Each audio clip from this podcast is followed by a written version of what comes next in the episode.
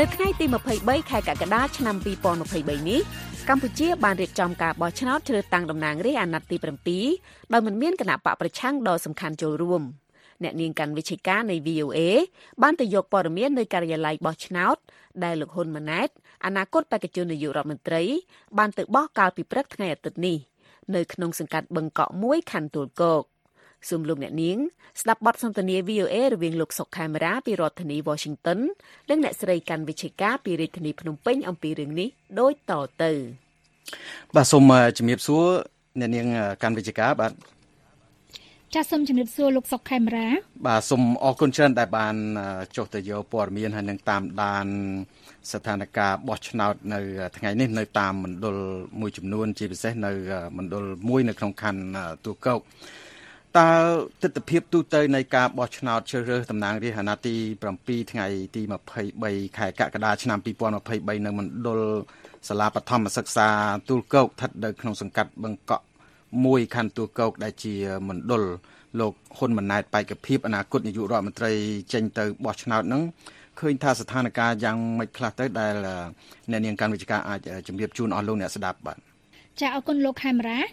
ឃើញថានៅការិយាល័យដែលលោកហ៊ុនម៉ាណែតបានទៅបោះឆ្នោតនៅព្រឹកនេះក៏មិនសូវជាខុសគ្នាប៉ុន្មានពីការិយាល័យបោះឆ្នោតមួយចំនួនទៀតដែរដោយអ្នកបោះឆ្នោតបានទៅដល់ការិយាល័យមុនពេលដែលមានការបើកទ្វារមានន័យថាមានការឈរតម្រង់ជួរមុនម៉ោង7ទៅទៀតយើងដឹងហើយថានៅក្នុងការិយាល័យបោះឆ្នោតនីមួយៗគឺចាប់ផ្ដើមបើកទ្វារដើម្បីឲ្យប្រជាពលរដ្ឋដែលគាត់អាចចូលទៅបោះឆ្នោតបានហ្នឹងគឺបោះឆ្នោតចាប់ពីម៉ោង7ហើយបិទនៅម៉ោង3ប៉ុន្តែនៅក្នុងការិយាល័យនេះគឺមានប្រជាពលរដ្ឋមួយចំនួនហ្នឹងគាត់បានទៅឈរតម្រង់ជួរតាំងតែពីម៉ោង6កន្លះព្រឹកឯណោះប៉ុន្តែនៅការិយាល័យដែលលោកហ៊ុនម៉ាណែតគាត់ទៅបោះនៅព្រឹកនេះដែរហ្នឹងហាក់ប្លែកជាងគេបន្តិចដោយសារតែឃើញមានអ្នកសារព័ត៌មានទាំងជាតិនិងអន្តរជាតិជាច្រើនបានរងចាំនៅក្នុងការិយាល័យដើម្បីផ្ដិតយករូបភាពហើយនិងវីដេអូ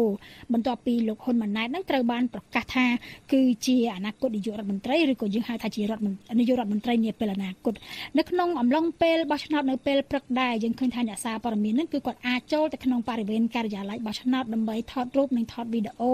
របស់មន្ត្រីដែលកំពុងធ្វើការនៅខាងក្រៅហើយនៅក្នុងការិយាល័យព្រមទាំងប្រជាពលរដ្ឋដែលគាត់ទៅបោះឆ្នោតប៉ុន្តែនៅពេលរសៀលម៉ោង3ក្រោយពេលដែលប្រធានមណ្ឌលប្រកាសបិទនៅការិយាល័យ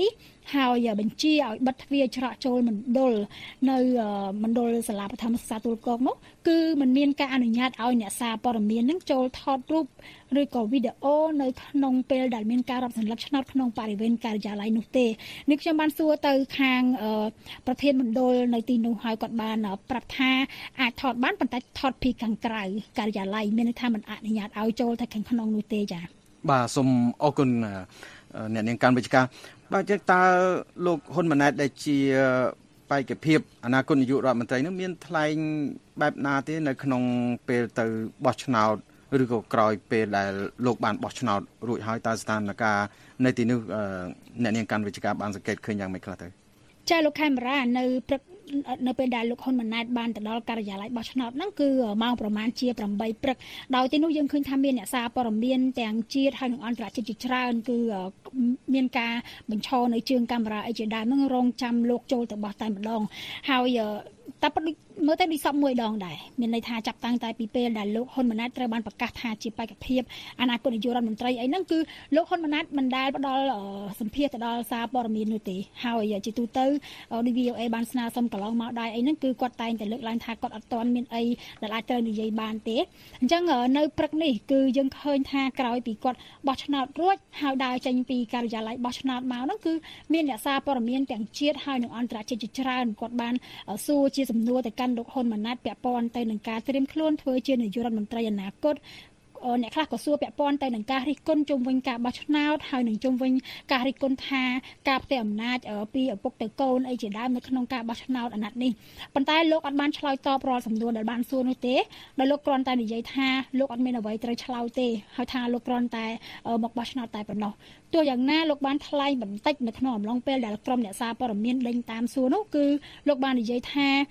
យើងបានអនុវត្តសិទ្ធិពលរដ្ឋនិងកតបកិច្ចជាពលរដ្ឋដោយចូលរួមបោះឆ្នោតឲ្យគណៈបដិខ្លួនពេញចិត្តគឺលោកបានថ្លែងតែប៉ុណ្្នឹងឯងហើយលោកក៏ដើរតម្រង់ទៅរថយន្តហើយក៏ធ្វើដំណើរចាក់ចេញពីការិយាល័យទៅចា៎បាទសូមអរគុណអ្នកនាងកាន់វិជ្ជាប្រិមិត្តកំពុងតែស្ដាប់កម្មវិធីផ្សាយបន្តផ្ទាល់របស់ VOA បាទរហូតមកដល់ពេលនេះតើគណៈកម្មការជាតិរៀបចំការបោះឆ្នោតមានបាន បង្ហាញនៅតួលេខឬក៏លទ្ធផលបឋមបឋមឬក៏មានអ្វីដែលជា ការកត់សម្គាល់ដើម្បីជម្រាបជូនប្រិមិត្តនៅក្នុងពេលដែលមានសន្និសីទសារព័ត៌មានមួយនៅល្ងាចនេះក្រោយពេលដែលការិយាល័យបោះឆ្នោតបាន បញ្ចប់នៅម៉ោង3រសៀលដោយចាប់ផ្ដើមតាំងពីព្រឹកម៉ោង7នោះទេបាទចា នៅក្នុងសន្និសីទសារព័ត៌មានល្ងាចនេះគឺមានរយៈពេល1ម៉ោងកន្លះហើយចាប់ផ្ដើមពីម៉ោង6ល្ងាចនៅក្នុងសន្និសីទសារព័ត៌មាននេះគឺឃើញមានការបង្ហាញអំពីការចូលរួមពីប្រធាននិងមន្ត្រីជាន់ខ្ពស់គណៈកម្មាធិការជាតិរៀបចំការបោះឆ្នោតអ្នកសង្កេតការណ៍និងអ្នកសារព័ត៌មានជាតិនិងអន្តរជាតិអីមួយចំនួនហើយនៅក្នុងនោះដែរគឺប្រធានគណៈកម្មាធិការជាតិរៀបចំការបោះឆ្នោតហៅកាត់ថាកោជបគឺលោកប្រាច័ន្ទបានលើកឡើងថាដំណើរការនៃការបោះឆ្នោតនៅថ្ងៃអាទិត្យនេះប្រព្រឹត្តទៅដោយជោគជ័យក្នុងបរិយាកាសស្ងប់ស្ងាត់មានសុខសន្តិភាពសុវត្ថិភាពសម្រាប់ធ្នាប់សាធារណៈគ្មានអំពើហិង្សាហើយនឹងគ្មានការគំរាមកំហែងអីផ្សេងផ្សេងហើយប្រធានកោជបដដែលនោះក៏បានរៀបរាប់លម្អិតពាក់ព័ន្ធទៅនឹងចំនួនអ្នកសង្កេតការណ៍និងចំនួនអ្នកសារព័ត៌មានជាតិនិងអន្តរជាតិនៅក្នុងសន្និសីទនោះផងដែរ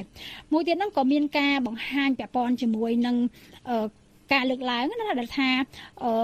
អ្នក គេហៅថាគណៈបកដែល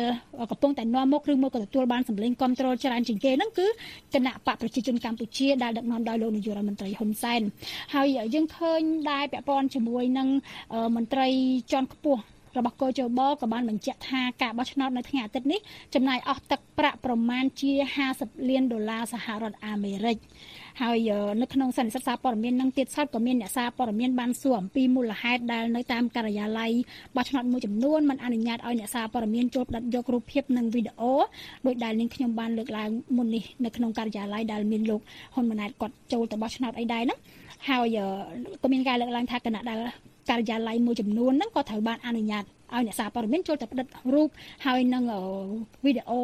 នៅក្នុងកំឡុងពេលដែលកំពុងតែមានការរាប់ស្លឹកឆ្នោតអីជាដើមនៅក្នុងនោះគឺមន្ត្រីជាន់ខ្ពស់ខាងកោចបគាត់បានឆ្លើយតបថាដោយសារតែមន្ត្រីនៅការិយាល័យនោះគាត់មិនសូវច្បាស់អំពីគោលការណ៍ហើយលោកថាសារព័ត៌មានដែលមានបានចេញដោយកោចប អាចចូលផ្តិតយករូបភាពនិងវីដេអូនៅក្នុងការិយាល័យបោះហើយនឹងរាប់សន្លឹកឆ្នោតបាននោះដោយគ្រាន់ថាមិនត្រូវរំខានការងាររបស់មន្ត្រីក្នុងការិយាល័យប៉ុណ្ណោះមួយទៀតពាក់ព័ន្ធជាមួយនឹងមន្ត្រីជាន់ខ្ពស់កោជបក៏គាត់បានបញ្ជាក់នៅក្នុងសន្និសីទនឹងដែរថាលទ្ធផលបោះឆ្នោតនៅតាមផ្លូវច្បាប់តែម្ដងគឺមានជាលទ្ធផលបដិអាសន្នហើយនិងលទ្ធផលផ្លូវការប៉ុន្តែនៅក្នុងពេលដំបូងបំផុតនោះគឺមានជាលទ្ធផលបឋមនៃការបោះឆ្នោតដោយមានការចាប់ផ្ដើមផ្សាយក្រោយពីការបោះឆ្នោតរួចហ្នឹងគឺពីម៉ោង7ល្ងាចតទៅ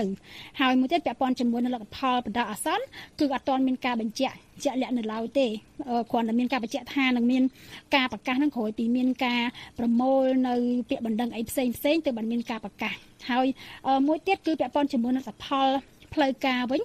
ប្រធានខាងកោជបនោះគឺគាត់បានប្រកាសថានឹងត្រូវផ្សព្វផ្សាយនៅចន្លោះពីថ្ងៃទី9ខែសីហាដល់ថ្ងៃទីចន្លោះ ថ្ងៃទី4ខែកញ្ញា ឆ្នាំ2023អាស្រ័យទៅលើថាមាន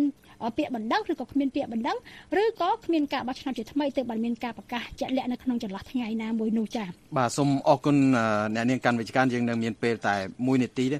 តើអំពីរឿងសន្តិសុខវិញដែលភាគច្រើនមានការព្រួយបារម្ភការបោះឆ្នោតដំបងដំបងតាំងពីមុនមុនមកថាអាចមានកងសន្តិសុខឬក៏អាជ្ញាធរអីនៅឈររារាអីឬក៏ធ្វើឲ្យ មានជាភាពមិនប្រក្រតីអីតើអ្នកនាងកម្មវិជ្ជកម្មមិនសង្កេតឃើញទេនៅក្នុងការិយាល័យមួយចំនួនឬការិយាល័យដែលអ្នកនាងបានទៅដល់ហើយចុះយកព័ត៌មាននោះបាទ ចាលោកខេមរានៅការិយាល័យដែលនាងខ្ញុំបានទៅដល់ជាពិសេសនៅនៅក្នុងសាលាបឋមសិក្សាទួលគោកហ្នឹងគឺឃើញថាមានសមត្ថកិច្ចឬក៏អាជ្ញាធរយើងហ្នឹងគាត់ចុះទៅជួយសម្រួលជាចរាចរណ៍អីផ្សេងផ្សេងក៏ប៉ុន្តែអត់ឃើញពួកគាត់ហ្នឹងទៅគៀកការិយាល័យបោះឆ្នោតនោះទេខុសពីកាលពីឆ្នាំ2018ដែលនាងខ្ញុំសង្កេតឃើញថាមានសមត្ថកិច្ចមួយចំនួនហ្នឹងគាត់បានឈរនៅក្បែរការិយាល័យបោះឆ្នោតចា៎បាទសូមអរគុណច្រើនអ្នកនាងកាន់វិជ្ជការដែលបានរាយការណ៍ពិស្ដារជូនប្រិមិត្តដោយផ្ទាល់ អំពី